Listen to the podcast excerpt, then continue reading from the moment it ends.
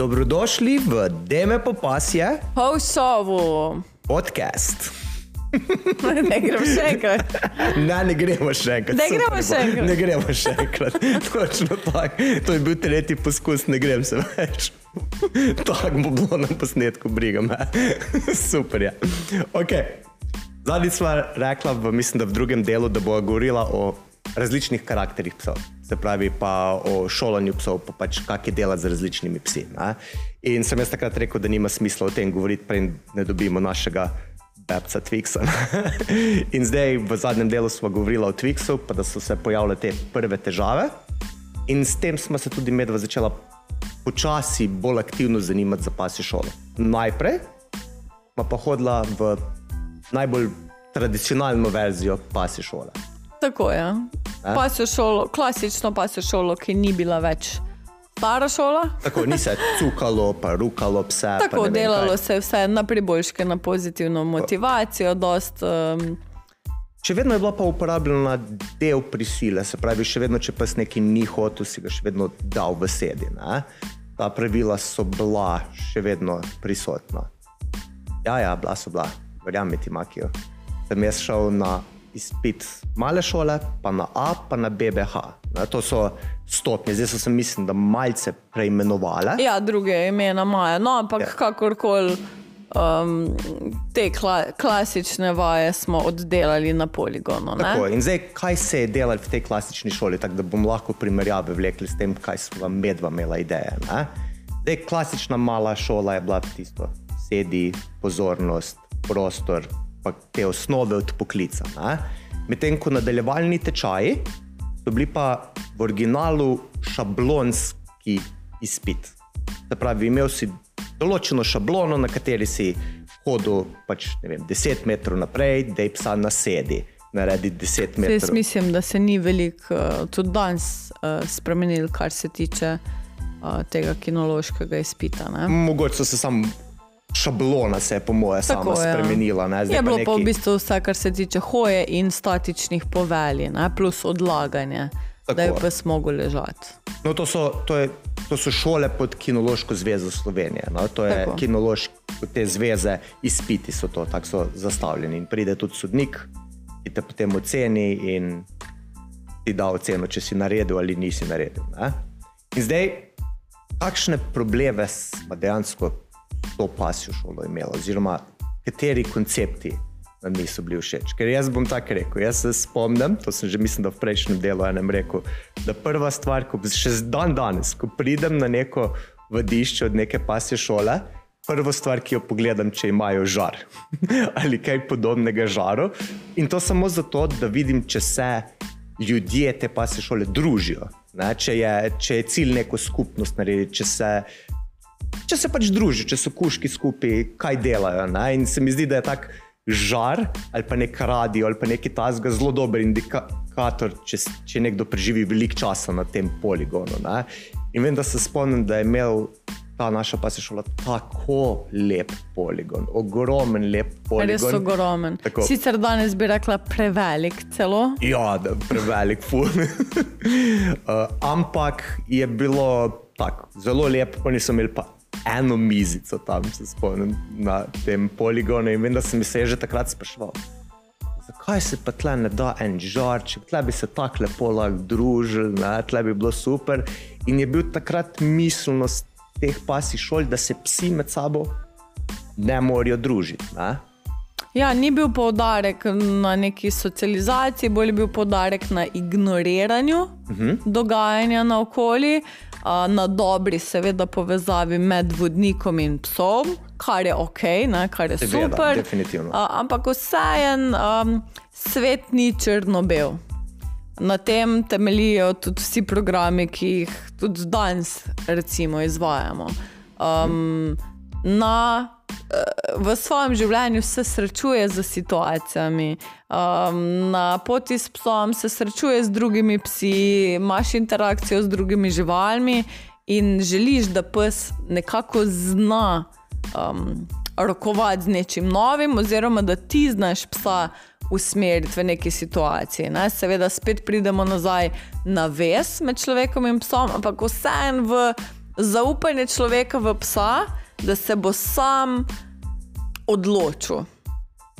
mm, Na kak način odreagirati, oziroma pravilno reagirati, če lahko sploh temu tako rečem. Ne? Oziroma, mora vsaj vzorc dobiti, kaj je pravilna reakcija v nekem Tako da bom okolju, na neko- samostojno mm, recimo, odreagiral na neko srečanje s psom, Tako. ki je zaželeno, seveda, iz Seveda, naše ja. strani. Ne? Ker mi smo večinoma res tam pa si šola delali samo ignoriranje. Tudi konec koncev je bila zelo prepoved, da se psi pred tečajem igrajo in po. vem, da me jaz Ja. vedno želela jih še malo spustiti, da se malo igrajo. Smo se vedno grdo gledali, ne. To, je, to boš sam zgubil navezavo, da se pes ne bo hotel s teboj igrati. To je bilo takrat tok mišljenja. ne, Da če, če ti pustiš svojem psu, da se igra z drugimi psi, bo to povzročilo, da se pes ne bo toliko za tebe zanimal, ko bojo drugi psi blizu. Kar bom tako rekel, v teoriji je res. Ne, če želiš narediti psa, ki je neverjetno skoncentriran samo na tebe, v katerem koli okolju, je to po eni strani resnična, resnična težava, s katero se lahko srečaš. Predvsem zaradi tega, ker um, te psi so bili namenjeni za delo. ne. Zavedati se moramo, da je večina teh pasji šol, sploh čez kinološko zvezo, bila mišljena za delavne pse. Jaz bolj, ko razmišljam za nazaj, bolj vidim, da so vse te šole bile narejene za nemške učarje, za takšne pse, da so te psi še dan danes, če jih daš v to okolje, bojo pač rasturali ne, po celi črti. To jim bo nekaj najlažjega na svetu.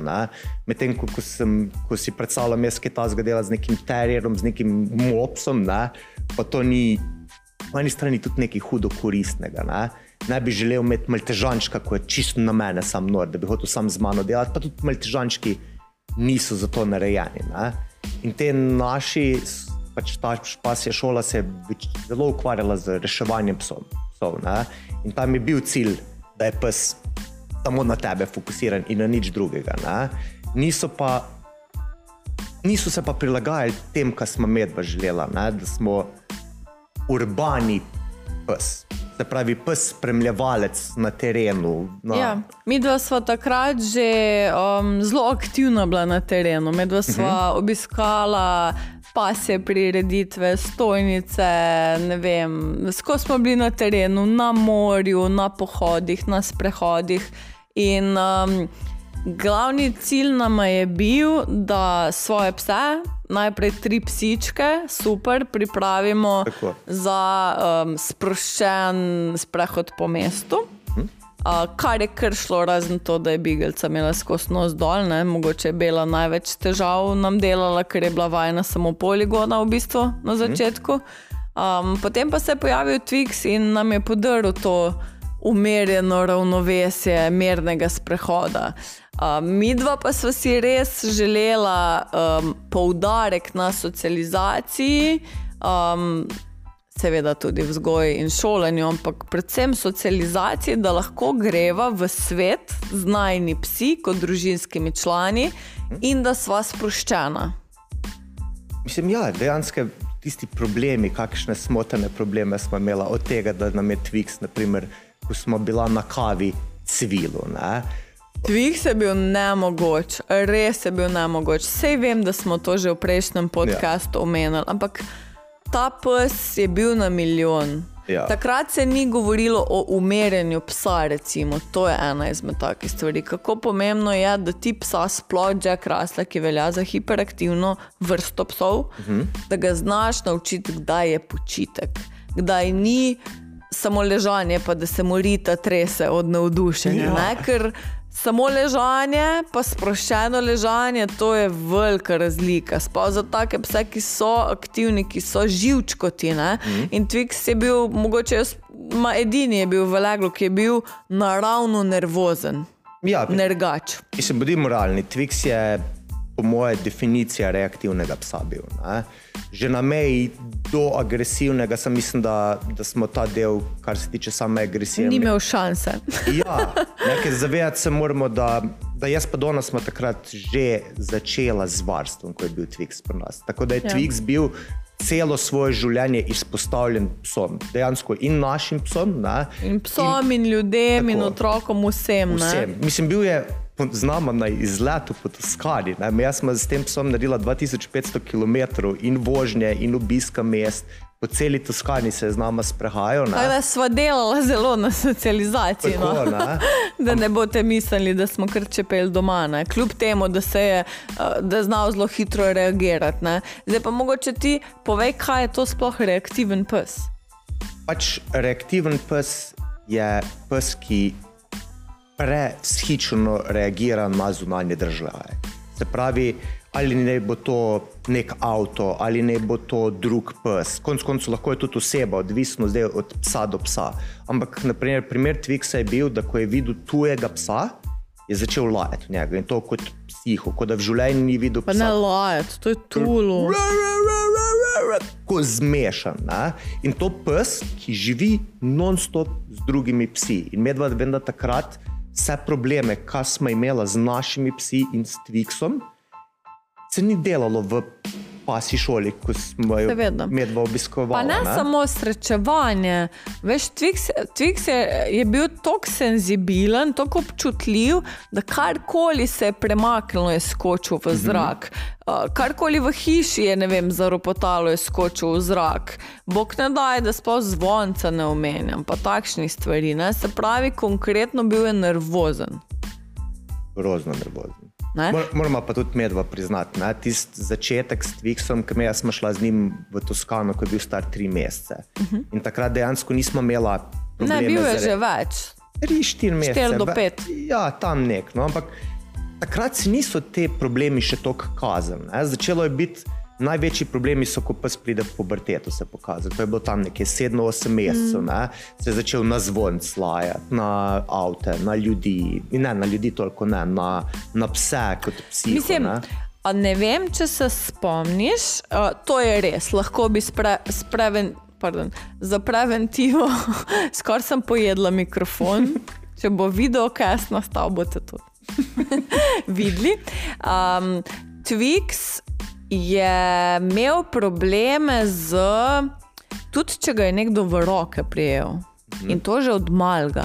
On je bil kot tisti ADHD otrok, ko si ga hotel ustaviti in si ga prijel, da bi ga malo požnaril, in on se je otepal, nervozal, ne vem, pa smo ga vsi prijemali v roke, pa smo ga doma crkljali, ampak on do tretjega leta ni maral dotikov, ni maral um, crkljanja, oziroma ni se mogel zbrati za crkljanje, on je kar letel posod. Mislim, on je on bil je bil posod. On je bil pes, ki si ga dal v box, v avtu in ni ležal med vožnjo. On je skozi bil je tisti stal. napetosti, stal živčen. Ne? In to smo lahko šli za eno uro, nekam za dve ure, ni bilo problema njem stati. ne. On je bil skozi fazi, ja.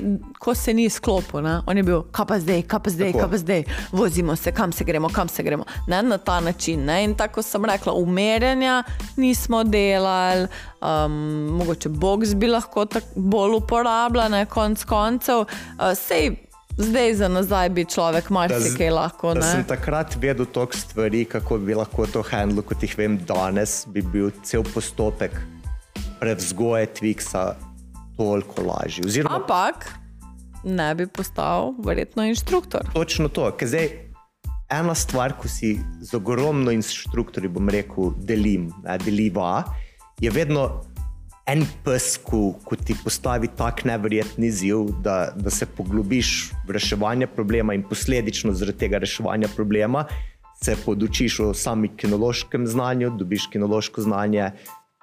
Probavaš stvari, se učiš, testiraš, kaj deluje, kaj Mislim, ne. ne. da je večino inštruktorjev in inštruktoric v Sloveniji postalo inštruktor zaradi določenega svojega psa. Je seveda, ja.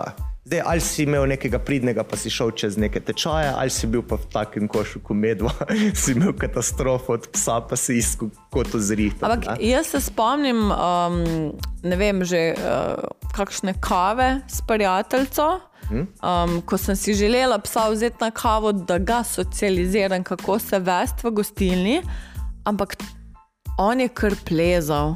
On je bil posod, njega nisi mogel zadržati, on je kar cvilo, on se je kar tresel. ne. Mislim, Pa je, je dobro, vse smo mu nabrali veliko kondicije, ker smo se veliko gibali, ne? ampak um, nisi ga mogel truditi, ne mentalno, ne fizično. On je bil neverjetno pripravljen in um, totalno, bom rekel, tako brez neke vizije, kaj bi on je krbil.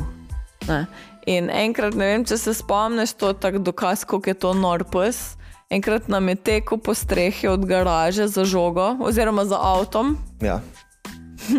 Je iz sestre, od tvoje sestre, okna skočil ven z celim sprintom teku po nadstrešku, pač ne vem, dva metra pa pol visokem, direktno skočil dol na asfalt pred garažo in sprintal naprej, prijel teni žogco in tekel v zadnji na vaš vrt in tam delo s to žogo kroge. Ja.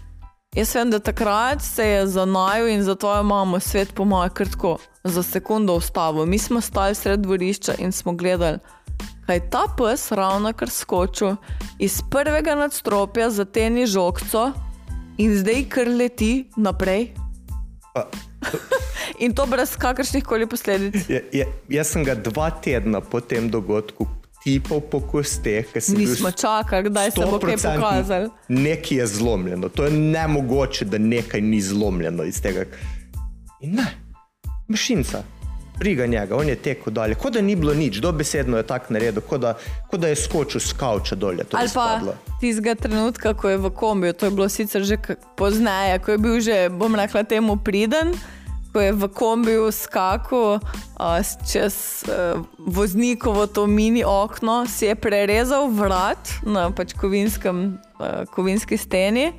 Pa še kar skakal, mi ja. Smo se že ustavili, da ga povijemo, da mu naredimo prvo pomoč, pa se kar vevel, eh, prerezal si je vrat, on je pa še kar skakal. On je hotel skočiti. On je centriral tisto, tisto okno, je centriral, jaz grem zdaj tam. Pač imel je fokus v bedarije od malega. Mislim, če se spomniš, bila sva na pikniku, ko je za vohu v takem kupu lesa, ko imajo te pan, kaj so, palete lesa zloženi, je za vohu miš noter.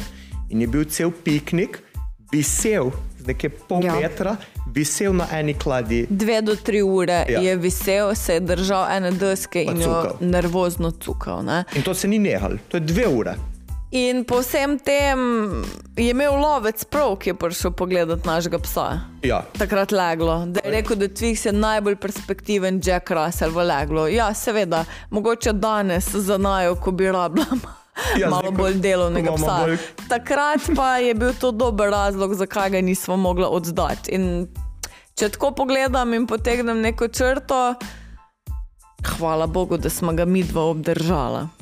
Mislim, seveda, se je verjetno nama je to pot, po kateri se zdaj hodva zelo tudi Twix položil po eni strani. Ne? Pa ne omenim za vse, ki ne poznate Twixa. Twix je danes perfekten pes. Ja. Mislim, 40 danes. predavanj po Twix je šolah. že pet let perfekten pes, ali pa še več, Še osem, več. osem let je že perfekten pes. Tako nekako bomo postavili časovnico. ne? Tako. Twix je ja, preko, preko 40 predavanj po šolah, že ima to sam v enem letu, oziroma v parih mesecih. ne. Na, dobesedno pa zdaj že na tisoč otrok. Pes terapeut, Tako. mentor v pasji šoli, mentor za časnikom, rešenčkom, plahim, da jim pokaže, koliko interakcije s človekom naredi. Šerif v varstvu, ker je Mentor na igralnih uricah, perfekten pes za ne vem, Res. prezentacije, za na veterini, v glavnem top dog. Zato, zato jaz vedno, ko mi nekdo reče, jo, kako je pa to super pes, pa super pas. Jaz bi imel tudi to pasmo. Kot da bi me nekdo v srce zabodel. ker, ker koliko časa je bilo vloženo v tega psa, pa koliko stresa, pa frustracij, to je abnormalno. Zdaj, bodimo realna drug z drugim. Ko smo dobili Twixa, je bil verjetno najslabši možni čas, da si medva nabaviva še enega psa, oziroma da dobiva psa. Dona je študirala, jaz sem bil tam nekaj 24 let, vse drugo mi je šlo po glavi kot neko resno vzgajanje psa, kar se tiče, da ga vzgojim do te mere, da, bi, da ne bi imel toliko težav. Ne? In takrat je bil še puberteti, bil smo najmanj delali z njim, ko bi se moglo največ. Tako da Delala zdaj- sva zabavne aktivnosti, Tako. nisva delala nujnosti. Točno to, ne? najbolj pomembnih Se pravi, stvari. znal je vse trike, znal je vsa povelja, konc uh Mhm. -huh. koncev, ni se znal umiriti, ni znal preceniti situacije. Zaganjal bi se v vse živo, reagiral je na vse živo, pa ne govorim na promet, na hrup, na te stvari, ker to smo delali, ampak na vse, kar ni pričakoval v tistem trenutku, vse, kar mu je prišlo za hrbet. Vem, jaz sem bil v enem trenutku na robu obupa. Spomnim se, ko sva z Belo, z Biglico, hodila na BBH in takrat je ta tečaj bil predstavljen kot da je del v urbanem okolju. In jaz sem takrat šel s to Biglico, ker je sicer imela sam problem, da je nos bil, kot da bi bil prešit na tla, ne? Tako. tipičen Bigl. Ampak sem bil vesel, ok, delalo se bo v mestu, bom se naučil veliko tam. Ne? In vem, da ko, da ko na koncu je izpadlo, da se praktično nič konkretnega ne dela v mestu, sem bil kar malo v depro padel, šit. To, tukaj dejansko nimamo rešitve, sama dva moramo iskati neko metodo, da ga navadim od tega. Ne? In tako se je dejansko tudi najna pot urbano pasjo šolo začela. Ne? Ker zavedati se morate, ko smo medva to začela delati, tega ni bilo. Ja. Ja. Urbanih pasij šol v Sloveniji v tistem času pač ni bilo. Ne? Nisi imel niti idejo programa, kako bi ga sestavil, kako bi si sploh začrtal to pot. Sploh pa ena, dva, tako kot sva medva, ko smo na področju kinologije bila zelo nova. Ne? Jaz vem, da se spomnim. Da, smo že takrat, oprostite, že takrat smo forsirali, dajte trikce, tečaj, dajte gremo Tako. v mesto, gremo urbani del delati konkretno. Ne? Medva smo že takrat v tej šoli Imela forsirala ideje, in tako. mislim. Spodbujala, da imamo še nekaj več, gremo še, gremo še više, gremo še boljše. Ne?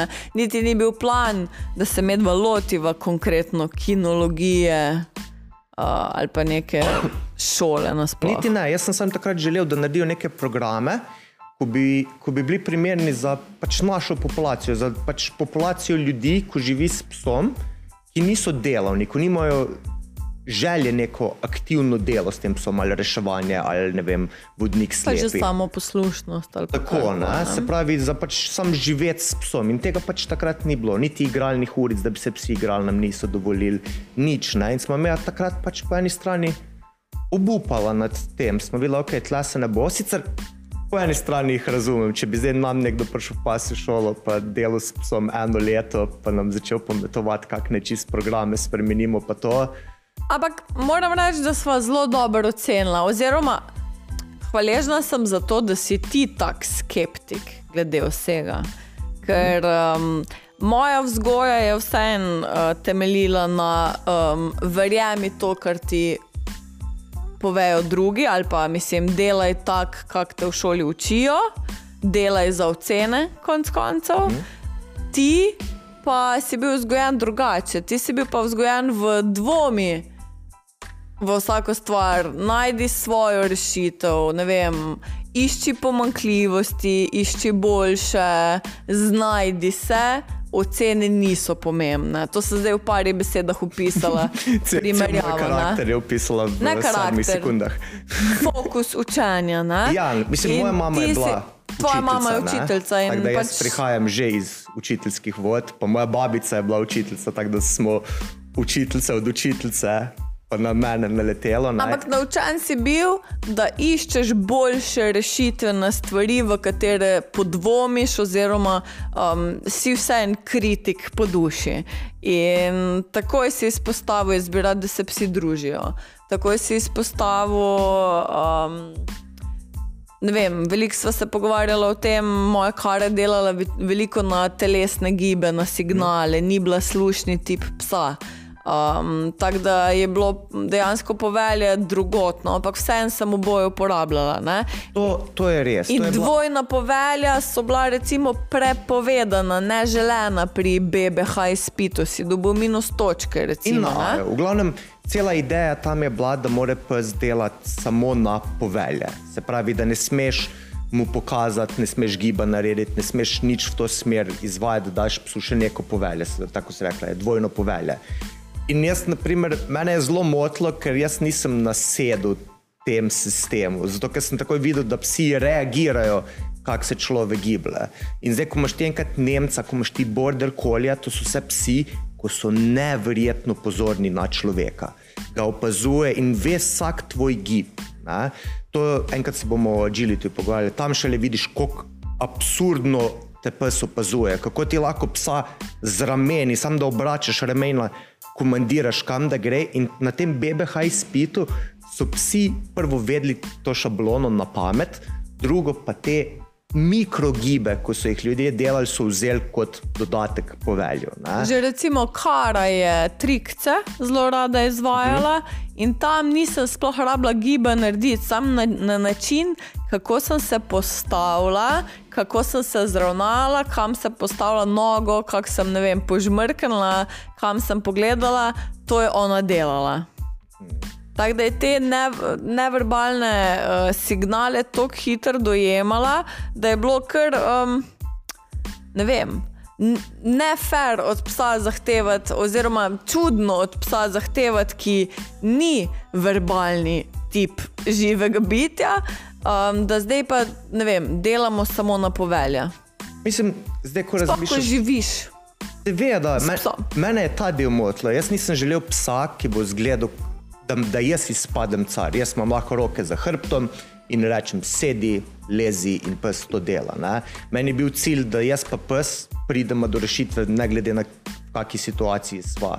In zdaj, če se jaz sedem v gostilno, naprimer na kavico, pa je pes ob meni, jaz mu nočem tam reči samo prostor. Pa če tega ne razume, pač da sem jezen ali pa da ne dela dobro. Ne? Že ta pogled na tako stvar me je motil. To, da mu s prstom pokažem dol, mi je vedno bilo tako. Ja, de psu, čim več informacij, da naredi to, kar želiš. Ne?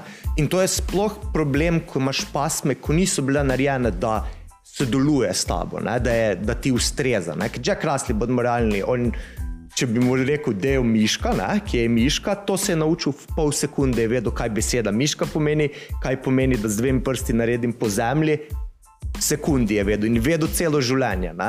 Medtem ko določene, določena povelja povezati brez giba, mu je delalo blazne težave. In meni je že takrat to bilo. Ne vem, zakaj bi zdaj jaz sam sebe omejeval. Da samo za neki spit. Zakaj bi sebe omejeval? To, za... Ker mi dva, v bistvu, smo oba zelo. Um, moving, moving človeka, medva, mhm. medva oba dva med govorjenjem zelo krilva. Um, jaz zelo rada polivam kozarce, zato jih danes nimamo okrog sebe, za vsak slučaj. Um, Ti pa tudi, ne? in se petaš, in se gibaš, vedno, ne, vedno smo v neki preži. Ne? In uh, ta flow dela z psom je tisti čar, ki je meni všeč. Recimo, ne? ne naučena koreografija, ko se jaz postavim zravnano, da imamo roke za hrbet, takrat mi dva začnemo delati. Ja, točno to. Jaz se vsakeč, ko pomislim na to našo šolo, vidim tizga. Podnika nemškega učarja, prsa nazaj, eno roko ob bok, druga roka, deset centi stran od svoje ritmice in hodi, brez da premika telo. Tako si vedno predstavljam neke te klasične šole in se vedno bil tak, sem jaz ne bom zdaj s psom. Oziroma, delo neko pozo. Ti ne boš tako do nas. Jaz ne bom tako po sprehodu. Zjutraj z šalco v roki, pa v pižami. ja, ja, ja jaz cel napet to. Zdaj, če bom slabe volje, pa ne bom pripravljen na to, pa ne bo vedel, kaj se dogaja, zakaj sem spremenil to. Ne? In mi ta ideja nikoli ni ustrezala, vedno sem hotel biti čim bolj naraven s psom. Ne? In po eni strani tukaj je Cezar Milan dosti vplival na mene, ne? zato ker on je dosti te energijo, pa take tudi, hvala, energijo pa v to smer, čeprav je on za moje pojme malo to za televizijo še prodal. Ne? Ampak mi je bilo všeč, da je tudi uporabljal, da, da se mi moramo držati določene, da mora da moramo naučiti psa, da opazuje, v kakšnem mentalnem stanju smo mi, pa da on reagira na to. Oziroma, on me je takrat naučil, da pes reagira na nekaj zaradi naše reakcije. Ne? In vse te povezave sem pol jaz vedno bil tak, ok.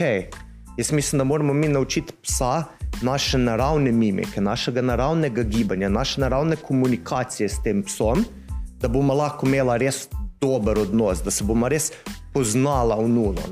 Če bom jaz zdaj vedno šel s psom, neko pozo, v neko držo posebno, da mu dam navodila, ne, se mi ni zdelo smiselno. In jaz sem se že pač takrat temu upiral. In mi smo tudi takrat, jaz sem zbelo, vem, da dejansko nisem šel na izpit BBH, zato ker ni bilo poudarka na, na tem urbanem, Na urbanem delu. delu, in me je, ja. pač vem, da smo enkrat smo šli, pa še to smo šli, je nekdo imel kolo, pa je pozvonil dvakrat in smo se mi mim sprehajali. In sem bil jaz tak, a ta. Ki je to? Jaz bi šel v mesto, meni pes voha po tleh, meni vleče me posod, da je motor rešvat, s tem imam jaz težave, ne s kolesom. Ne? Čeprav razumem spet tudi kolone, zato ima večino učarjev, pa borderjev, pa takšnih ravno probleme s kolesi, z avtomobili, pa takimi. Tako da te šole so bile res prilagojene za neke ultradelovne pasme takrat. Ne? In se mi zdi, da, da pač jaz s svojim Jack Russellom, ko sem hotel imeti urbanega Jack Russella, pač se nisem strinjal, pa nisem bil kompatibilen s tem. Tako da smo začeli takrat prvič razmišljati. Dajmo pa sami neki probe, dajmo pa ja, sami v neko začeli smer, smo z nekimi takimi zelo naravno sestavljenimi sprehodi po mestu, vedno se nas je več prijateljev družili z psi, Mm, kot smo že omenili, hodili smo na ta srečanja, Jack Russell, ne take.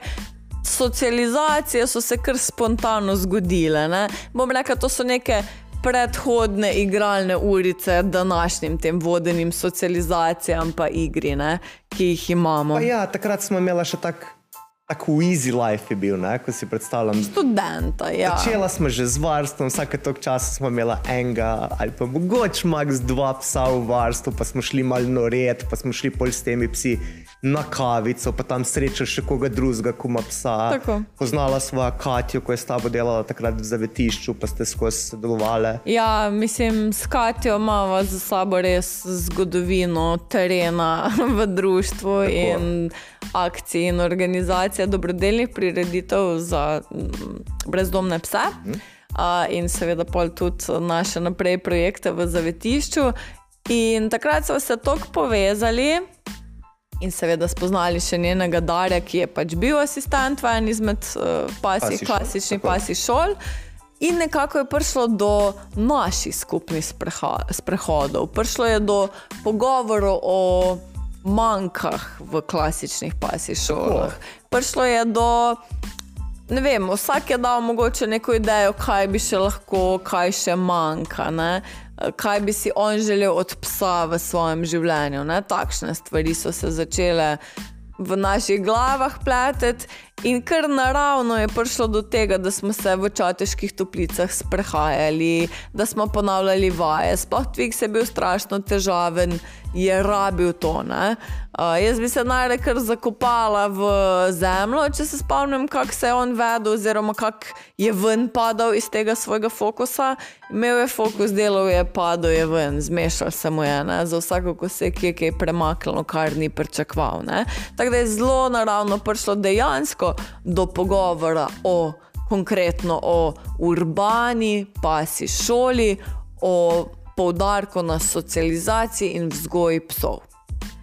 Ja, dejansko. Ne? Pa iskala smo nekoga, ki bi bil mentor, oziroma nekoga, ki je že vodil tečaje. Ne? Ker Največji Nekoga, problem je ki pozna koncept te poslušnosti, teh že samega šolanja, ne? Tako, vaj, ki smo jih delali. ne? ker mi dva nismo nikoli delala z tečajnikom. Medva sva bila na drugi strani. Ne? Tako, ne? Darjo pa je bil tvoj Inštruktor, inštruktor ali pa vsaj asistent takrat na nekem programu. Pa Ne? na programu ne vem, zdaj res kjerem. Tako da pa smo združili tisto znanje iz poligona, vse te minuse oziroma primankljaje, ki smo jih medva želela, ali pa vsi skupaj želeli dobiti od njega življenja z psom.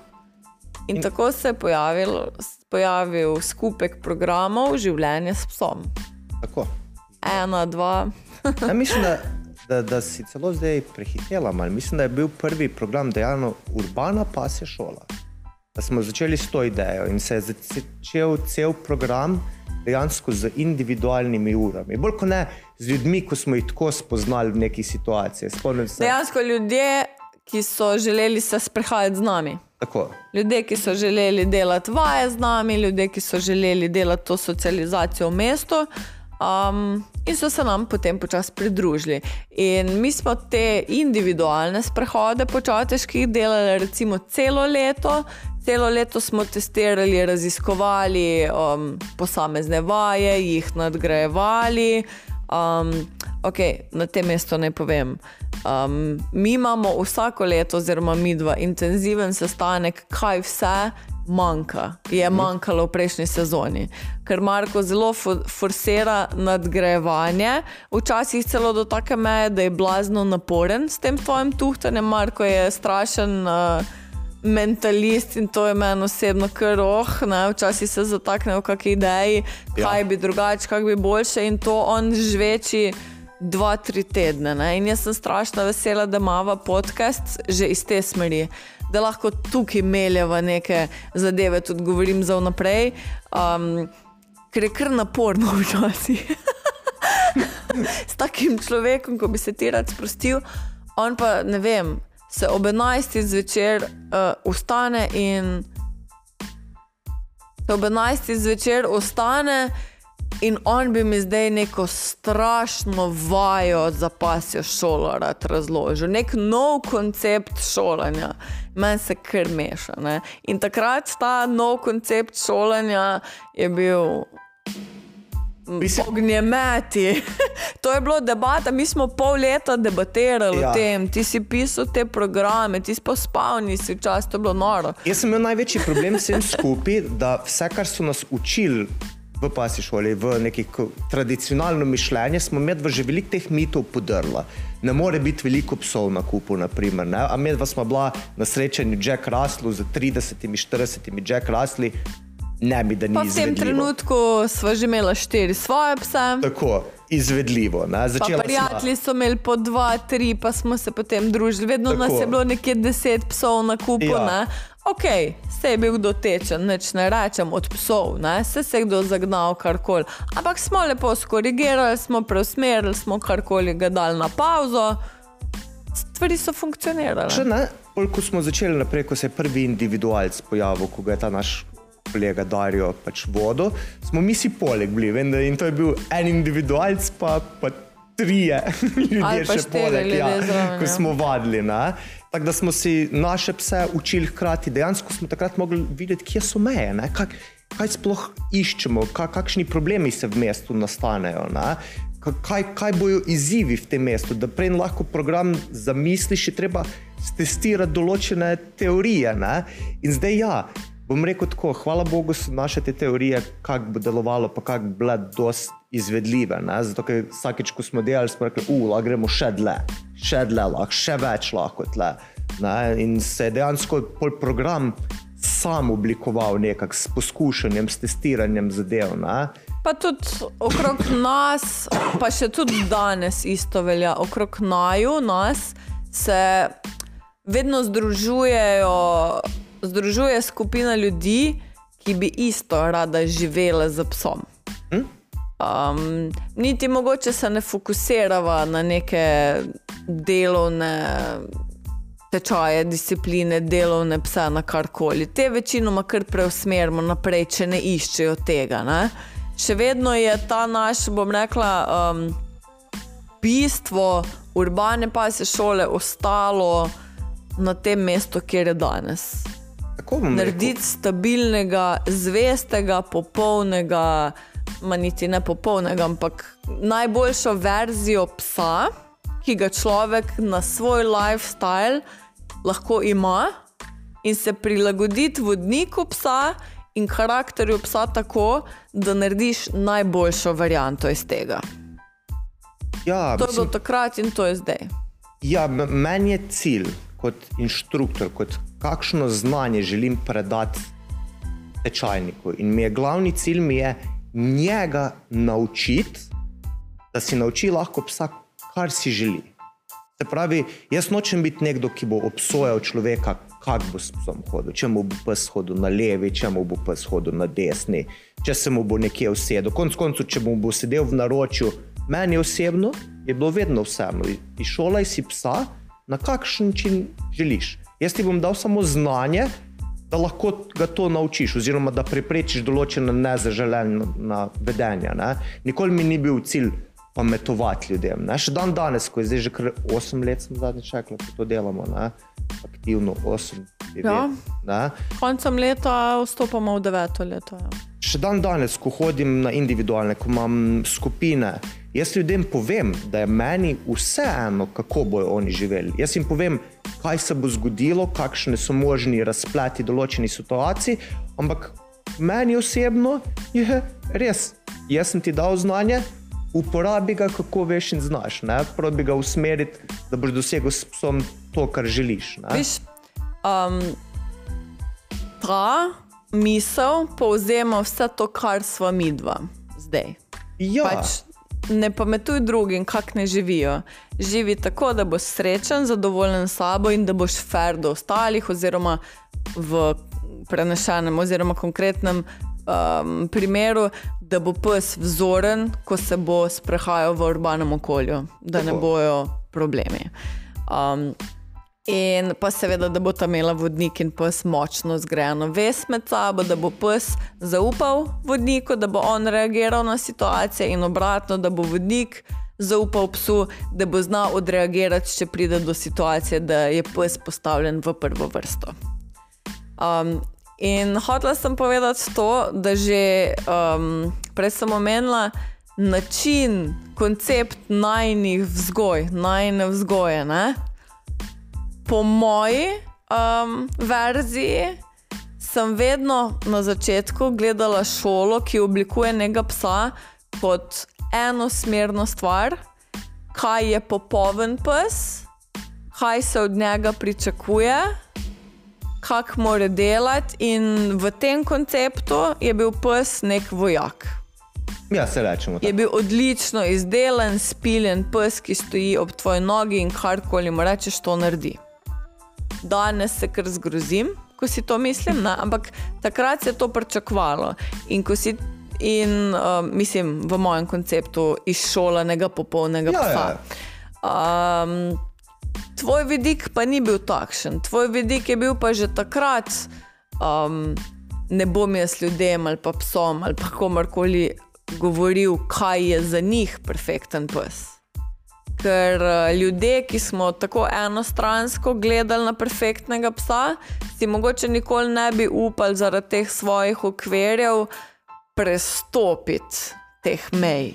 Iti v neko drugo smer, raziskovati z psom, raziskovati njegov karakter in se temu prilagoditi. Mislim, In to je tudi bila klasična šola, ne prilagaja se posamezniku, ampak pes mora delati, recimo šablono, tak, pa tak, pa tak, postaviti se mora tak, rit mora imeti sporedno, la la la la. Um, veš, bilo je zelo določeno. Kalup so dali, to je Kalup, zelo kalup. psa. Ampak fora je v tem, da tudi jaz sem bila mogoče malo v kalup dana in moje pričakovanja so bila malo v kalupu. In pol, ko greš ti za nekim še neizdelanim psom, pač z mladičem, s pubertetnikom, s, ko, s kakršnim koli psom nekam na teren, ti je kar mal neroden, ker tvoj pes ni popoln. Ja, ja ker si In- sam sebi neke standarde. Žalostno je, da to delajo ljudje še danes.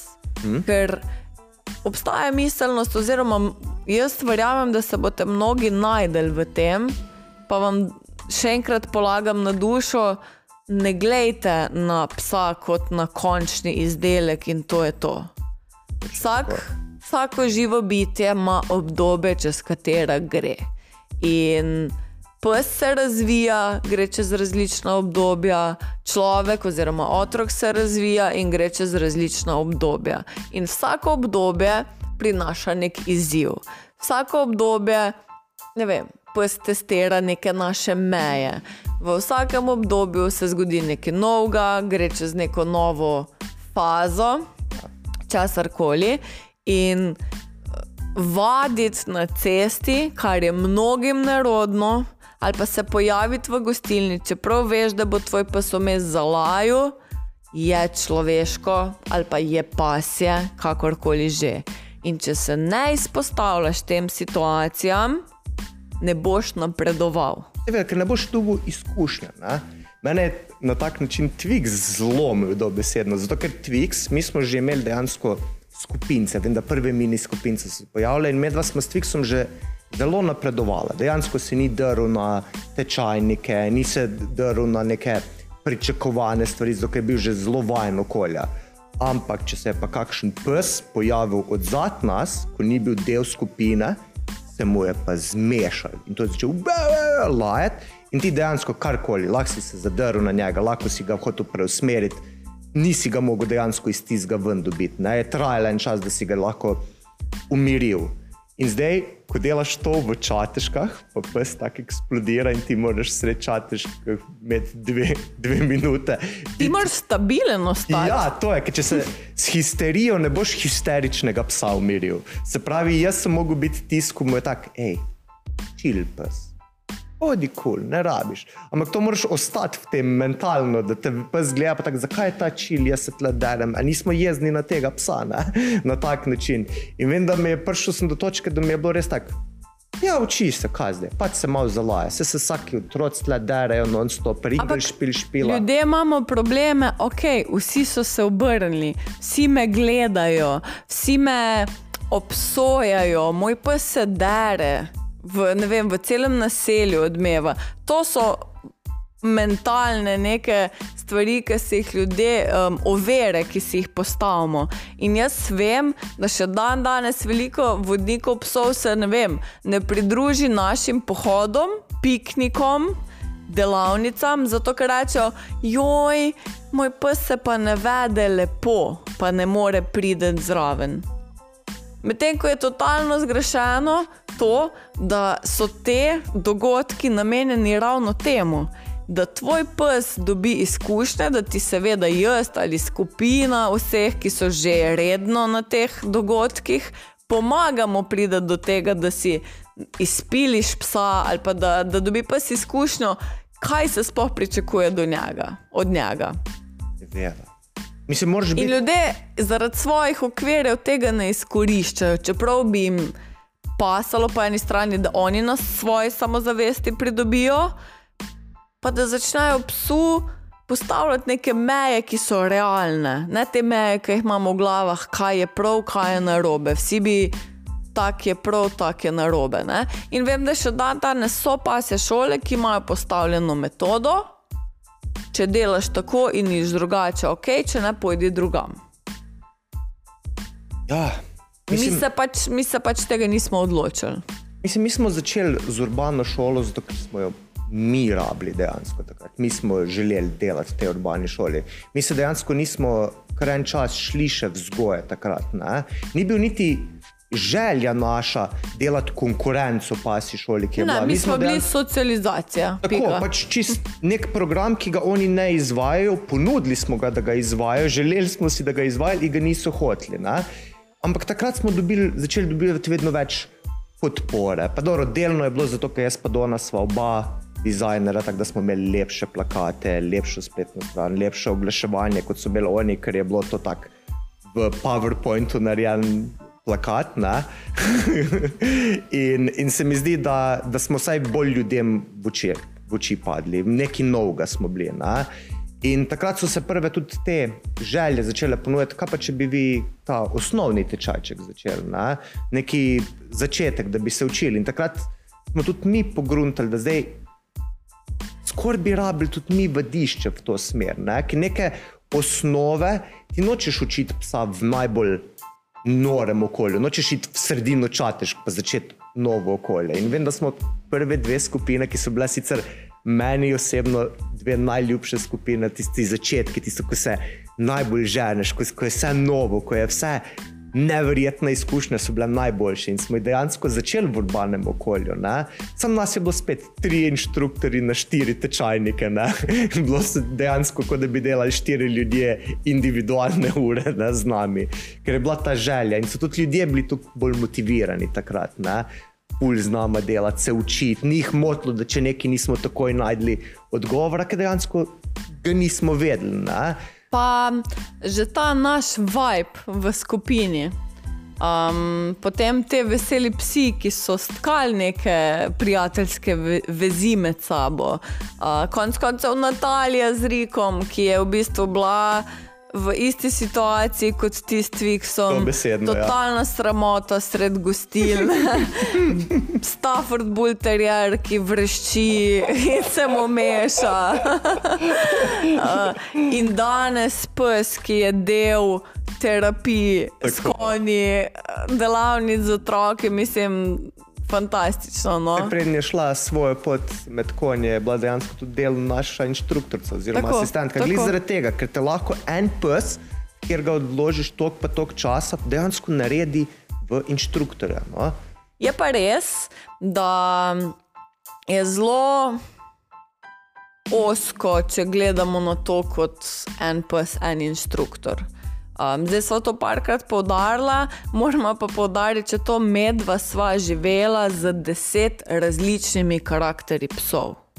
Jaz mislim, da en inštruktor z enim težavnim psom, sploh če je to nekaj specifičnega, kot je recimo border collie ali pa belgijski ovčar, pač to sta dva taka vidna delovna psa, recimo, ti ne data širine karakterja mm, ali pa pristopa dela k psu, da bi bil vsestranski.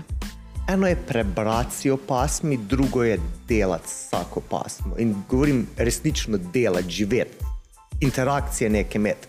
Ker bodo moralni ti na samem tečaju, ko si z eno uro s tečajnikom, recimo tudi če vse skupaj imaš ne vem, deseturni tečaj, nimaš spet to kontakta. In ogromno inštruktorjev mora za tiste začetne, iš, začetne izkušnje neverjetno veliko časa porabiti, zato ker nima rednih tečajev, nima to in počasi pridobivaš izkušnje. ne. Jaz mislim, da je ta, um, uh, kako bi rekla, um, to razodetje uh, dela za psi z različnimi karakterji možno osvojiti, najbolj osvojiti v varstvu, v vrtu.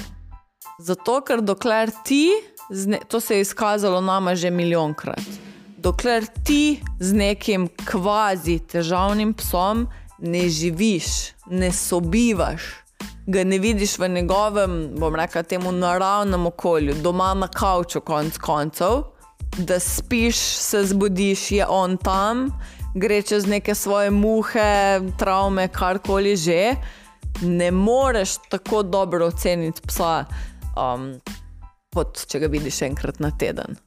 Mislim- Se mi zdi, da te uh, življenje v tropu psov, ki ga imamo mi dva, ki smo ga imela takrat in zdaj vedno bolj, oziroma zdaj, uh, ne, we're all over the place, ne, ampak um, to je tisto, kar te, po mojem mnenju, naredi mm, vsestranskega. Ja, se zato jaz Ne sem bom rekla boljšega, ker ne morem zdaj ocenjevati. Mogla bi iti. Um, Ne. zdaj, jaz sem zelo občutljiva, zato ker vsak, vsak človek, ki gre v eno pasjo šolo, reče, to je najboljša šola ali pa to je najslabša šola, bla, bla, bla. bla ne? Ampak človek bi mogel iti v. Z istim psom, z istim karakterjem, v popolnoma vse pasje šole, da bi lahko ocenil. Ne? Mi vedno ocenjujemo, ali pa tudi medved dobiva um, veliko komentarjev, smo bili kje druge, pa ne vem, so bili slabi, pa ne vem kaj. Lejte. Mm, Tako bom rekla, vsaka pasja šola daje osnovno znanje in če se držiš tega, ne glede na vaje, ne glede na način dela, ali je to fizično postavljanje v sedi, ali je to vabljenje s priboljškom, ali je to na besedo, ali je to na gesto, ali je to ne vem, nagrada žogo, na karkoli. Če ti delaš po navodilih redno, kot ti je povedal, kakršen, kot ti je povedal, kakršen koli inštruktor bi mogel nek nivo doseči. Dobro, zdaj, če, ni, če je inštruktor na nekem nivoju. Seveda, ne, zdaj, o tem nek govorim. Lari Faris izmišljuje, pol ne, ampak v povprečju za inštruktore, ko jih poznam, tudi če se ne strinjam z njihovo metodo Tako, dela, pa način. Metode imamo različne. Tako. To se je potrebno zavedati, to ni nič narobe. Ljudje, sploh na socialnih medijih, so navajeni, da je vsaka stvar prav ali narobe. Narobe, tako ja. Samo to, črno-belo. Ne. Inštruktori, ne glede na metode dela, ne glede konc koncev tudi na leta izkušenj, imajo nek koncept dela, neko metodo, ki sledijo. So jo preizkusili na večjih psih, uh, skozi svoje leta delovanja in vejo, zakaj jo delajo. To, Med sabo se ne strinjamo, oprosti, mogoče ne, mogoče ja. Um, vsak bi mogoče na nek drug način, ker tudi konec koncev sem že omenila, vsak pes je zgodba za sebe, je svoj karakter in za eno težavo obstaja vedno pet um, poti, da Seveda. prideš do rešitve. Zdaj pa način dela je pa, koliko časa rabiš, da prideš do rešitve. Lahko je mogoče za silo zelo hiter, da prideš do rešitve, pa mogoče si s tem ubiješ odnos ali pa neko naslednjo vajo, ki pride. Lahko psa zapreš, lahko z neko psa, eh, vajo psa odpiraš. ne. Um, oprosti, ker sem te zmotila, uh, ker si hotel nekaj povedati. Ampak hočem povedati, da moramo ostati odprti pri tem, moramo testirati, moramo psu dati možnost tudi um, se odzvati na neke metode. Jaz bom tako rekel, kar se tiče samega poklica inštruktorja, se pravi, da delaš s psi, je ti dejansko tvoja najbolj glavna stvar ni delo s psi, je delo z ljudmi. Se pravi, prenašanje znanja, ki ga imaš ti na človeka. Zdaj pa, kar se tiče pa samih izkušenj, jaz sem, moram priznati, malo alergičen, ko nekdo o letih izkušnji govori, ker se mi zdi, da je, da je voljum, koliko tečajnikov, koliko delaš ti na tem področju, bistveno bolj pomemben kot Seveda. sama leta. Pa ta leta si pa lahko hitro vzameš. Ja, živel sem pri treh psi, se pravi, zdaj imam. Odkar živim in imam psa. Ja, se pravi, Stara 31 sem, let. stara sem 30 let, 30 let izkušenj, pač Tako. to so bedarije. Ja. Te tradicije, pa leta imaš prav, to je bedarija. Ampak mislila sem tako, skozi leta ti vsako leto več dela za psi, si videl več primerov, si imel možnost sodelovati z večjimi ljudmi. In inštruktori morate biti dobri pedagogi, tudi, mm. da znate sploh znanje prevesti človeku na način, da ga bo razumel. Zdaj, najprej moraš ti imeti znanje. Ne? To je doskrat je problem v tem, da, naprimer, tako si prej rekla, če si imel samo enega psa, pa si delal samo s tem tipom psa. Imaš izkušnje dela samo s tem tipom psa. In se boš dejansko, ko dobiš tečajnika, ki ima nek drug tip psa, dejansko se boš učil. Veš v teoriji, kako deluje, mogo boš pa testirati. In ena stvar, ki sem si jo jaz vedno prisegel, ne bom bil najbolj pameten. Če ne bom vedel odgovora, bom to povedal. Ne, to se mi zdi tudi zelo fair, je, da si do samega tečajnika, če ti nek problem pojavi. Sem bil doskrat tudi jaz, spoh na začetku, tiste prve tri leta, ko smo delali, sem bil tak. Uf, ne vem. Bom poštudiral, bom testiral na svojih, pa na naslednji uri probamo to rešiti. Ne. Nisem hotel dajati neke izmišljene na blef navodila, zato ker nisem hotel pač dati slab na svet. Ne?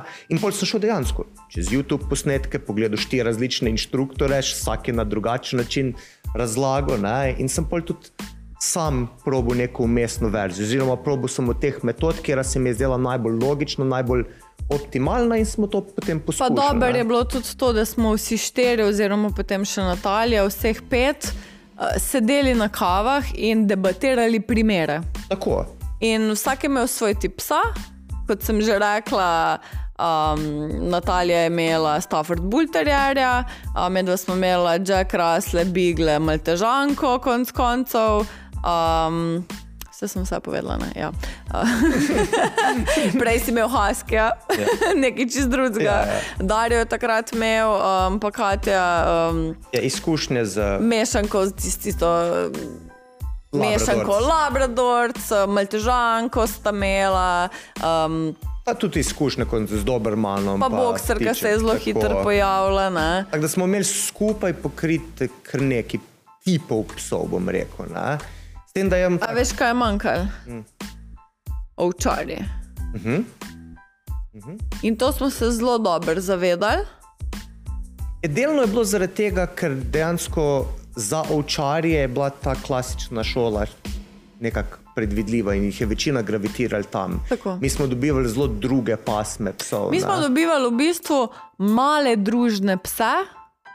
Um, Čeprav je bil prvi tečajnik, pa nemški včeraj, mladiček, zdaj, ko si rekla. Ja. Je bil prvi nemški, tam smo spoznala, kako je po eni strani lahko delati z Nemcem, po eni strani nevrjetno težko. v času pubertete, ja, recimo. Ne, kak, kak je pes šel iz najbolj pridnega psa v čateškah. V psa, ki kar ne pozna komande sedi, ne pozna giba, nočete pogledati. Tak 360. Ne? In smo se dejansko tudi mi ful naučili čez to. Ne? In glih s tem, ko vidiš te situacije, dobiš empatijo. Lahko si empatičen do človeka, pa mu poveš, kakšne so rešitve, brez da ga obsojaš. Ne? Ker jaz imam s tem tak veliki problem, nekoga obsojati, pa nekom se za. Ko vidim neko situacijo, da nimate zdaj časa vsak dan delati po dve ure s psom, ne, probam iskati rešitve, da, da najdete nek odnos. Ne. Čeprav ne bo bil tako idealen, kot bi si ga inštruktor, ki ima Nemce, zaželel, seveda ne, ne, ampak še vedno želiš človeku pomagati. Jaz sem imela, po moje, prva leta pasje šole, ker sem tak tip človeka.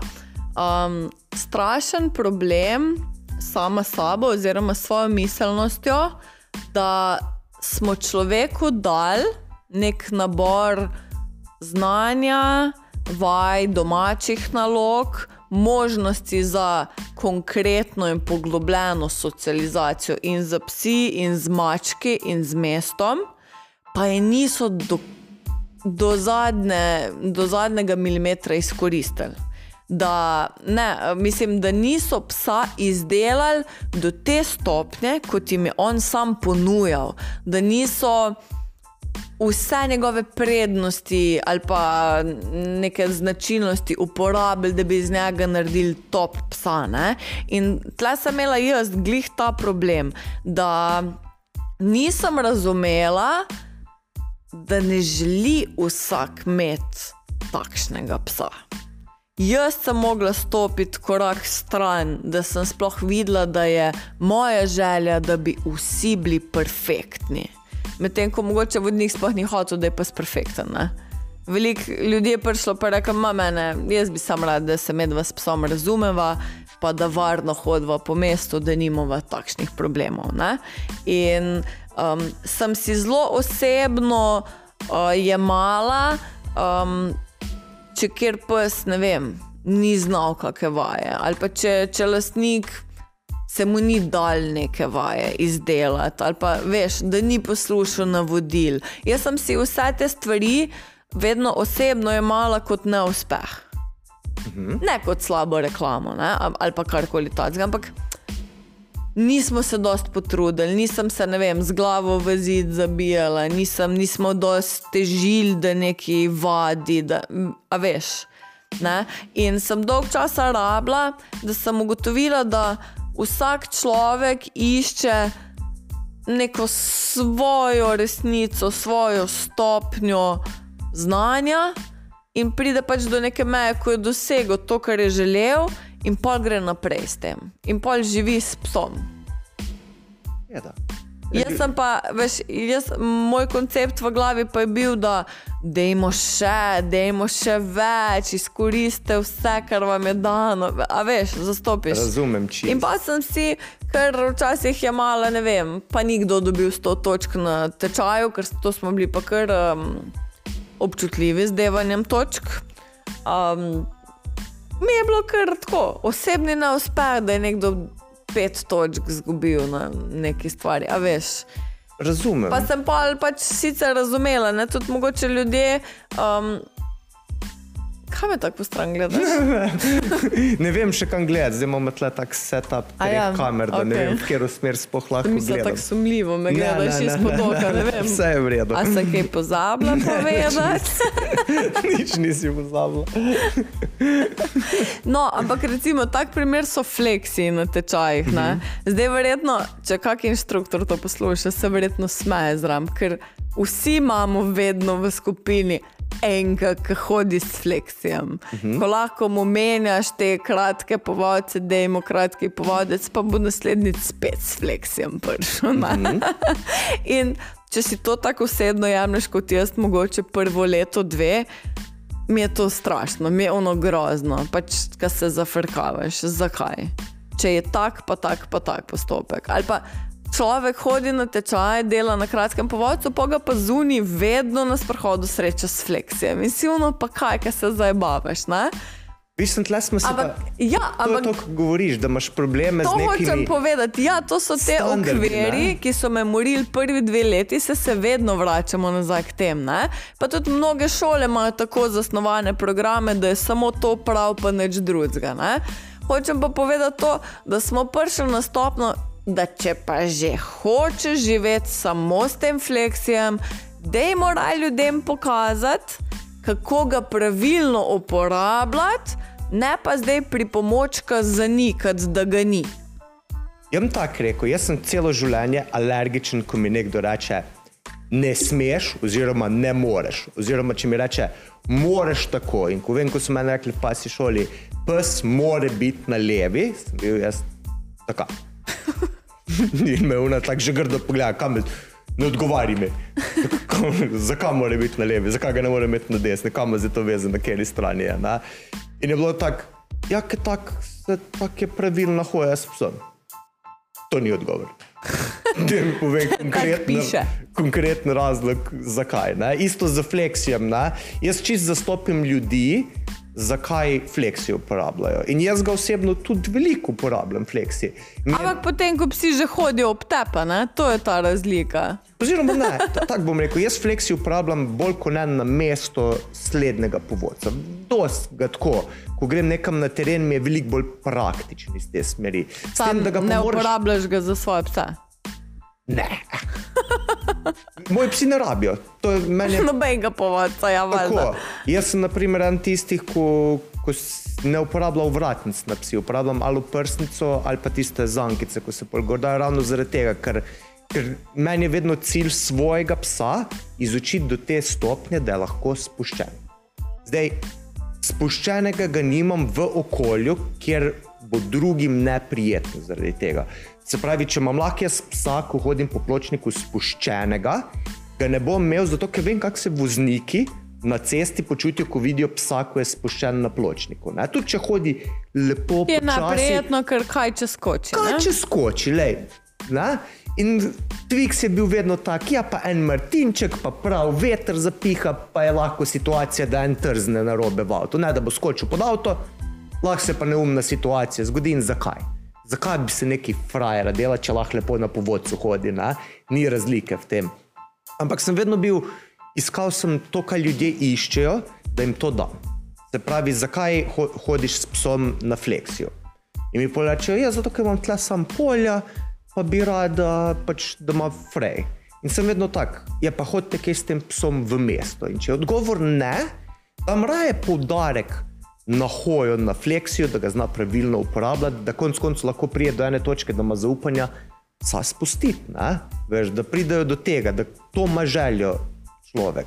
In zdaj ga ne bom silil jaz, da dela poleg s psom, da, da ko hodi, da ima sedi v gibanju, če to ne bo nikoli Ja, uporabljal. si, ne. to smo pogruntali, bolj forsiramo. Mislim, se mi dva sprehajava psa večinoma na kratkih povodcih, um, naslednjih povodcih.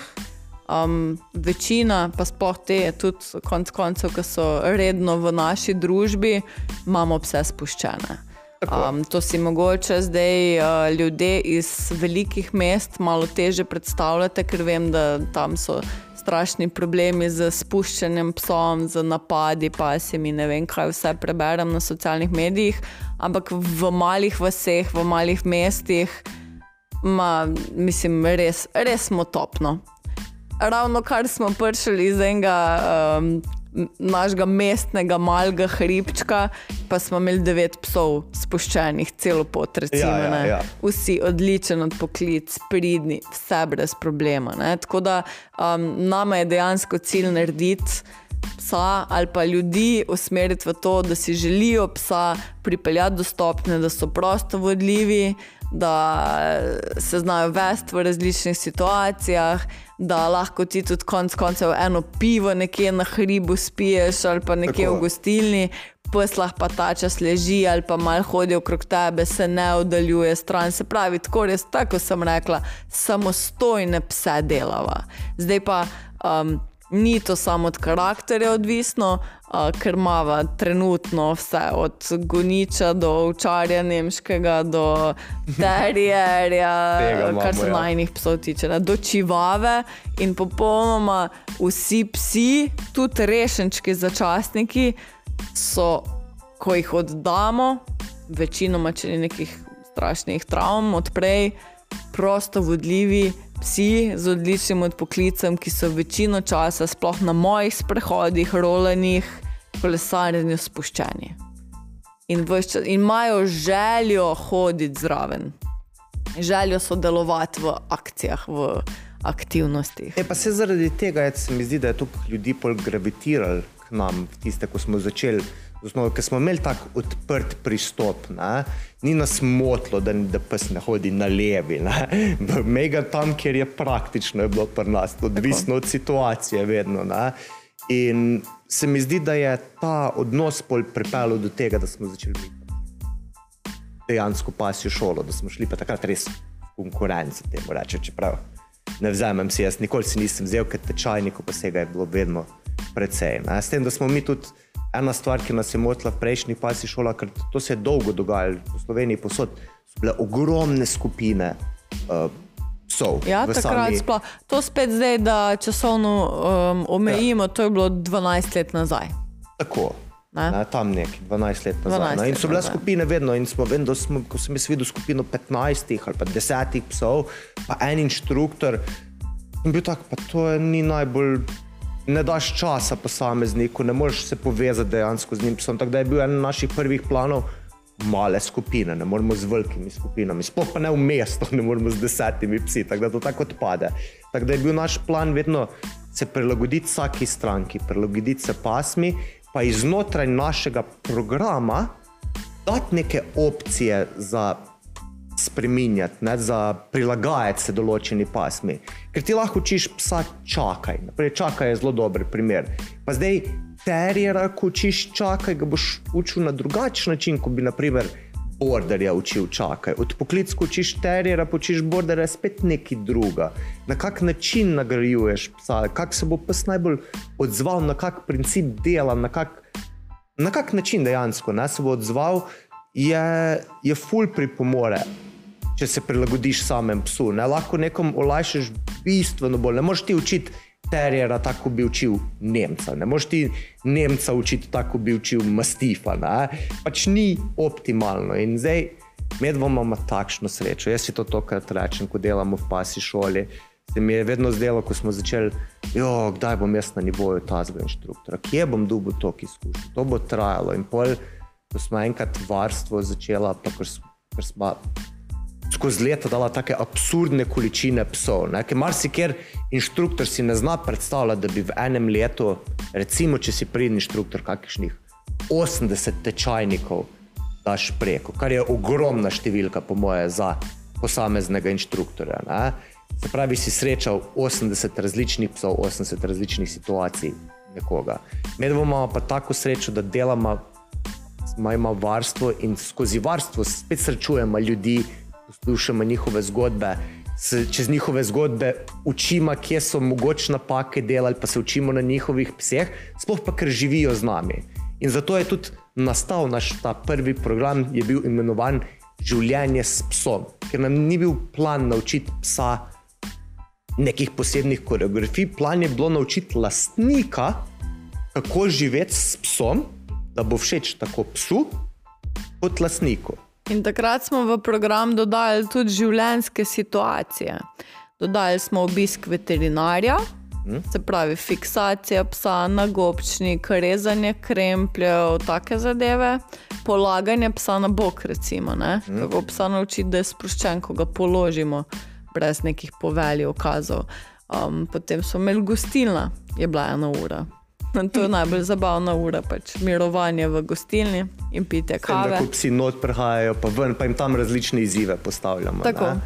Ampak meni osebno mislim, da je še vedno tisti najboljši občutek, mi je, ko učiš nekoga, kako dotakniti svojega psa. Da vse tiste, ko so nas učili, psa se ne sme prijeti za rep. Jaz bi vedno tak. Ne ti meni, da jaz ne smem svojega psa za rep. Spet smo prijeti, pri ne. Sem rekel, zakaj ga ne smem prijeti za rep, ker mu ne paše. Je kaj pa, če ga nekdo prime za rep, ko ga ne poznam slučajno, otrok prileti in je bilo vedno, je ne smeš pustiti. In sem tak, ja pa življenje ni nikoli 100%, to je moj, en od mojih motov, nič ni 100%. Se pravi, kaj če sem jaz v čateškah, ker smo tu dobili izkušnje, se hodim po čateškah, tam so določeni ljudje kar spustili otroke v nas. Jo, lej, zlobr, da sem je, pejdi pobožati, ne. Po sreči je bil še kak italijan, ne, in smo doskrat mi inštruktori pol na teh tečajih izpali srčem, ko border collie, smo delali plac okoli teh psov, da se ne zgodijo take situacije. In smo jih posledično, ker smo videli, da do takih situacij prihaja, začeli te situacije vpeljevati v program. Ker jaz sem bil vedno, ok, če je opcija, če obstaja samo 3% šanse, da ti bo enkrat nek otrok priletel do psa, pa ga zarep primo. A ne bi bilo bolj, da je ta pes fajn, da se ga nekdo zarep dotakne. Da mu ni to ne vem, kakšna grozna stvar. In ko smo začeli enkrat eksperimentirati, dotike, navajanje, ruvanje, vse, vse te koncepte, kot nam takrat niso predstavljene, ne, vedno je bila igra s psom predstavljena kot nekaj, začne se, delaš, vlečeš se s psom, prenehaš, vedno tako strukturirana face. Ne? Jaz sem bil pa vedno, da se pristno igraj s psom, da je pristno igro, igraj se s psom, ne? probi. Postavite si standarde, kjer ugriz, koliko te lahko stisne z roko, vse, da ga lahko za rep primeš. Ker če boš ti svojega psa 20krat, 100krat za rep prijel, ko ga bo en otrok slučajno za rep prijel, ne bo Ali pa tako mu odreagiral. pohodu repne. Tako ne bo tako odreagiral, da ve, kaj je, dolo, kaj je dovoljena stopnja reakcije. Ne? Naprej, vem, da smo zelo dolgo je bilo mišljenje, pes ne sme renčati na nikogar. Ne? Vedno- Jaz sem bil vedno tak. Je pa če nam s tem sporoča, da mu nekaj ne paše, zakaj bi ustavljal, da nam nekaj? Komunikacijo, ne? Tako, tako da bi otroka kregal, ker govori, av boli me, ne mi to početi, pojdi stran, kot da bi ga za to kregal, ne bo tiho. In smo slejko prej, več ko smo dobivali izkušnje s tem, več smo videli, da to je bilo čisto narobe, na glavo obrnjeno. Ne? To bi mogli dejansko dovoliti to, pa delati poudarek na dotikih, na socializacijah, pa to pa bomo naredili pse, za katerega se dejansko ne rabiš sekirati, da bo otroka ugriznil, Ali pa recimo odreagiral. že um, program igralnih uric, ki je mogoče zadnje leta bolj um, popularen po, postal. popularen. Tako, ja. Sloveniji, Prej mogoče ni rekel, bil tok. tako. ne, Ampak recimo. Kot sem rekla, skupina devetih psov, gremo v hribe, desetih psov, včasih nas je 15, 20, ne vem, včasih samo tri. Vedno v vseh so nekje spuščeni psi, vedno pri, do nas priteče nek pes. Zdaj pa, a se bomo mi jezili, pa delali dramo iz tega, joj, nekdo ima spuščenega psa, kaj če mu imamo kaj narediti, ne vem kaj. Bomo mi svojemu psu naredili neko slabo izkušnjo iz srečanja, ker bomo mi nervozni, mi panični, ne vemo, kako bo nas, naš pes reagiral. Dali mu bomo vzorec. Panike pa bomo vzorec svoje panike, svoje uh, nervoze, kako je nekdo neodgovoren in ne vem, kaj še vse. Svojega psa naučili najslabše stvari na svetu. Medtem ko ko se nam to zgodi, na igralnih uricah so bili recimo vsi te psi, vemo, kjer mu paše družba, vemo, ne, vemo komu ne paše družba. Poznamo, kdo bo kako reagiral, kdo bo psa nahrulil, kdo se bo postavil, kdo se bo omaknil za lastnika. In jaz osebno nimam popolnoma nobene skrbi, ko gremo na pohod. Primer dajem, ok, vse za hude primere ima sozivc ali pa kaj ne, ampak Ja, ja, ja. greš na pohod, do nas priletita dva odvezana ovčarja, gremo mirno mim, svoje pse kontroliramo, ali jih imamo pa celo spuščene, naredimo spoznavanje, steramo psa stran, gremo naprej. Mi smo sproščeni, cel postopek srečevanja, psi so sproščeni, ker vidijo, da smo sproščeni mi in da bomo mi načeloma tudi rešili to situacijo. In zdaj, ko sem to povedala, sem se spomnila, veš, kaj meni najboljš na tvojem nadaljevalnem tečaju. Hm. Da učiš, ali pa na igralnih ulicah, da učiš ljudi, kako stran od sebe odgnati tujega psa. To je tečajnikom najtežja stvar, ki jo morajo delati na tečaju. Ker morate se zavedati, mi imamo trenutni tečaj, da se stavljam tako. Prva stopnica je sam, da človeka naučimo osnove, njega, ni tu podarka na psu, druga je pa dejansko začnemo psa graditi. Ne? In zdaj, večinoma se naši tečajniki zelo poznajo in poznajo se iz igralnih ulic, psi se poznajo med sabo, cel odnos imajo psi zelo pozitiven. In polim vedno dam vem, da se učijo, ker vem, da dosti inštruktorjev posluša, se mi zdi to dobra vaja, se učijo naprimer, od poklica in dajemo, ne vem, kličemo pse mimo drugih psov. In itak se tam zgodi, da kak pes odluta, da bi šel k drugem psu. Sploh, ko imamo mlajše pse, ko še hodijo na igralne ulice, se tle dogaja ta downside, da so psi fulno navdušeni za igro z drugimi psi. Ne? Niso še na stopni, da jih igra več tako ne zanima. In se itak zgodi, da steče k enem drugim kušku. In zdaj imajo moji tečajniki tukaj nalogo, da oni odreagirajo. Tako kot bi se ti to zgodilo na sprehodu, je najboljša reakcija, da ti odreagiraš, da psa prepodiš stran. S tem bo pes dobil zaupanje v tebe, s tem bo pes videl, da ti imaš to pod kontrolo. Pa še veliko večja varianta je, da se bo pes tuj ustrašil tebe. Tako da morajo psa odgnati. In zdaj je to dosti problem, zato ker vsi poznajo vse pse. In moraš ti zdaj dejansko od kolega psa nagnati stran. Ampak je situacijsko to zelo dobra stvar, zato ker poznaš psa, poznaš človeka, noben ti ne bo zameril. In imajo ljudje neverjetne težave s tem. Vidijo dejansko, kako težko je psa odgnati, kako resno moraš nastopiti, kako moraš včasih glas dvigati. Ne? In marsikater sploh ni pripravljen to narediti. Jaz vidim že na terenu, marsikje, ko otrok priteče do tebe, da hoče pobožati psa, mi začnejo ljudje tako zmedeno gledati, kje je pa starš, da mu bom rekel, da ustavi otroka. Pa sem jaz tak, če otrok, rečemo, stoj, stav se, kaj delaš?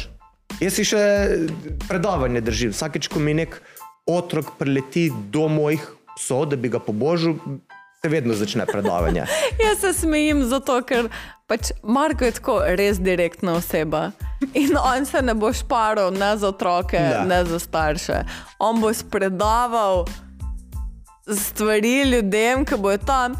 Ja, neč hudega, dobro, da je moj pa že jedel, da jim se enega otroka, tak, zato ker vi bi brez prsta ostali, glavnem, tako z tistim pogledom, ne briga, ne premakne me nič. Ne. In jaz to tako obožujem. In to odganjanje psa stran je vsem neprijetno. Mislim, ljudem je v javnosti zelo neprijetno izraziti neke negativne, negativne čustva.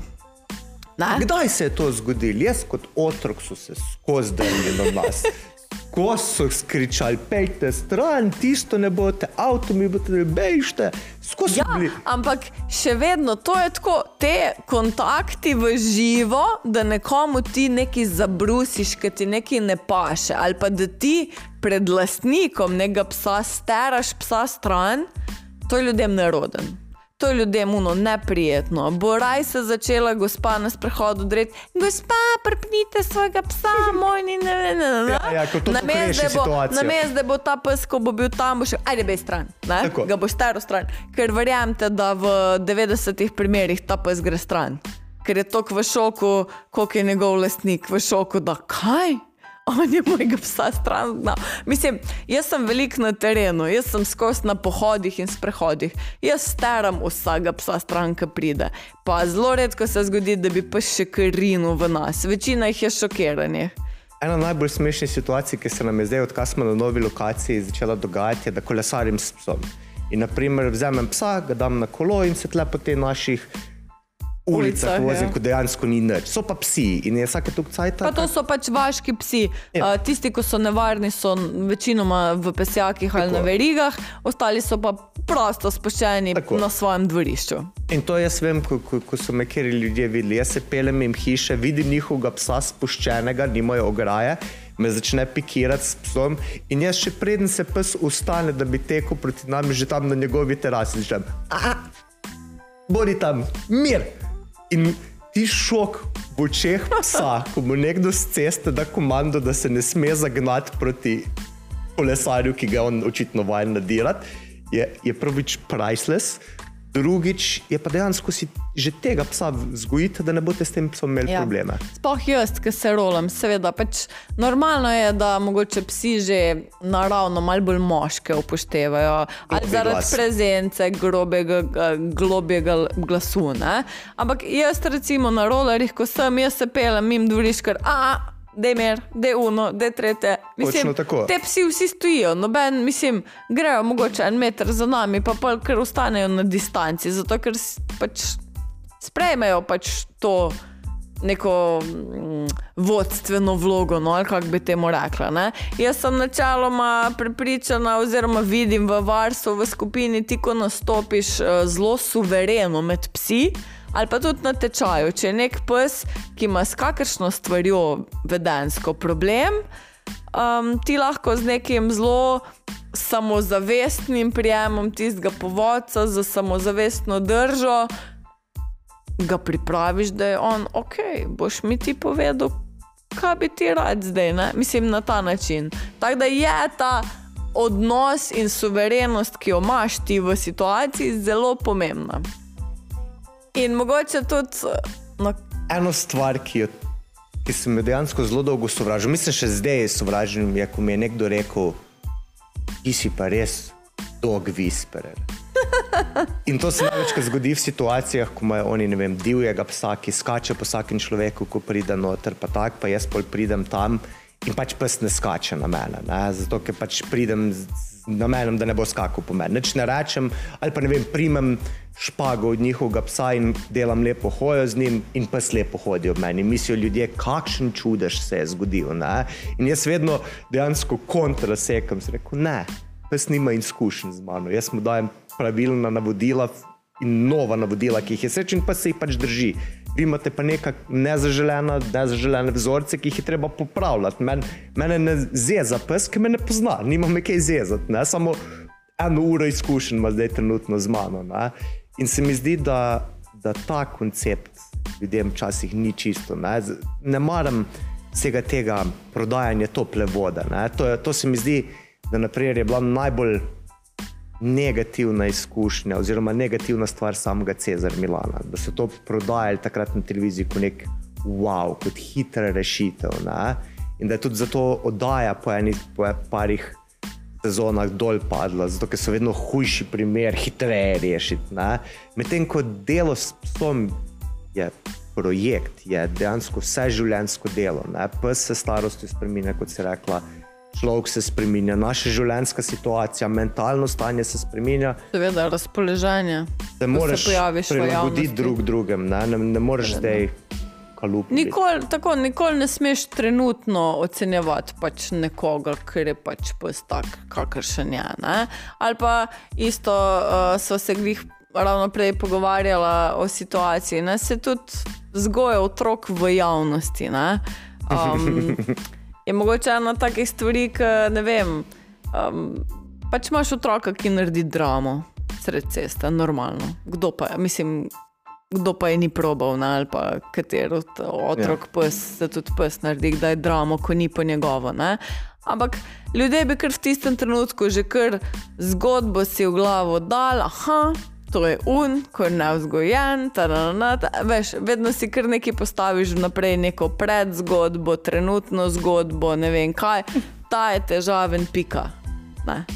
Um, in zaradi vsega tega um, ocenjevanja okolice ali pa te potrebe, po, da sam sebi razloži situacije, tudi potem vodnik psa ne upa reagirati, skregati svojega psa, usmeriti svojega psa, konec koncev nadreti svojega psa. Jaz bi nadrla psa, če bi mi, evo, če bi mi hotel skočiti za avtom na cesto. Seveda. Ne glede na to, kdo je okrog mene, ma zadrla bi se, kaj si normalen, vsaj to bi se zadrla, no? kaj vsaj to bi se zadrla, zastopiš. Seveda. In potem srečaš na cesti isti primer, pa ne vem, gre mama z otrokom in otrok neko hudo dramo naredi, zdaj pa ona ne bo tega momenta uporabljala za nek vzgojno izkušnjo, ampak bo raje tiho, požrla, izvedla tak permisiven moment in šla naprej. Recimo, to so ta, te kalupi, družbena pričakovanja, ki. Um, Nasplošno se mi zdi, da se nam, nam v glavah eh, delajo ovire. Nam, mislim, mi, nam je omogočeno v svetu, v delu, v življenju z psi, da preizkusim, preizkusimo vse situacije. Ampak mi, ljudje, se tako radi zakompliciramo, vsem stvarem bi ful radi dal pomen. Vsako stvar bi šli po ne vem kolikih postopkih. Um, E, to, tako bom povedal. Mislim, da je dober primer tega, kar si zdaj razlagala. Je bil en pred kratkim primer, sem imel, tečajnica, ima Belgica. Naprimer, tam je zelo, imajo ljudje okoli Belgice, jo pa Belgic mora biti prijazen, drugače bojo se ga ljudje bal, pa se mi bojo odmikali, pa si vzemajo vse to tako kot nek hud judgment družbe na tega lega, kazgo nevarnega psama. Ne? Jaz sem pa vedno tle, se mi zdi tudi del moje naloge naučiti človeka, kako handlati sam sebe, kako se držati, kako handlati družbo v tej situaciji. Tudi če te gledajo tako, konc koncu. Ne? Vedno jim probam dati tudi pozitive, ker ljudje se znamo zelo fiksirati. Jaz se mi umikajo, me grdo gledajo, vsak kot je nevaren, imajo presodke ali pa lasnikom pitbula se podobne stvari znajo dogajati ali pa neki takih orang pasem. Ne? In In jaz jim pa vedno probam pozitivne stvari dati. Ne? In ko enkrat ti človeka peleš, naprimer s tem Belgicem ali pa kjerkoli tako pasmo, po čateškah, ne? pa, pa se oni probojajo umikati ljudem, da čim manj škode naredi, pol jih pa jaz tak, hej. Ej se samozavestno hod, pa hod, se, se ljudje izkoriščajo to, da se ti ljudje umikajo. In ker naenkrat vidiš to isto osebo, lahko skozi samo en sprehod in vidiš tako, pa res. Meni se ljudje umikajo, ker imam beles psa, pa ga lahko vodim brez problema. In ko se začne človek gibati tako samozavestno, avtomatsko pes postane samozavesten. Zato, ker več ni prevezan na neko plašno osebo, na neko ne samozavestno osebo, ampak je zdaj kar naenkrat prevezan na. Uh, Ta pa handla, ta se pa drži, le ker umikajo se jim, čeprav se psu umikajo, ampak še vedno ja. dobi tisti umf. Lepo, hoj, ja, lepo si karikiral to situacijo. Ja. Ja. Zato, ker se mi zdi, da vsi tečaji, pa se šola, karkoli individualne ure, karkoli ja. dela za psi, dejansko ti samozavestno, z znanjem in samozavestjo pumpaš ljudi. Mhm. Ti verziraš človeka, da je boljši. -hmm. Da se, bo, mislim, da se boljš pokaže tudi na ven, da se boljš počuti, da si malo v glavi, stvari popredalčka, zato da lahko on omogoči psu, da je takšen, kot bi ga hotel imeti. S tole mislijo pa bomo zaključili tudi današnji podcast in se hengamo dalje naslednji petek. Do takrat pa. Au!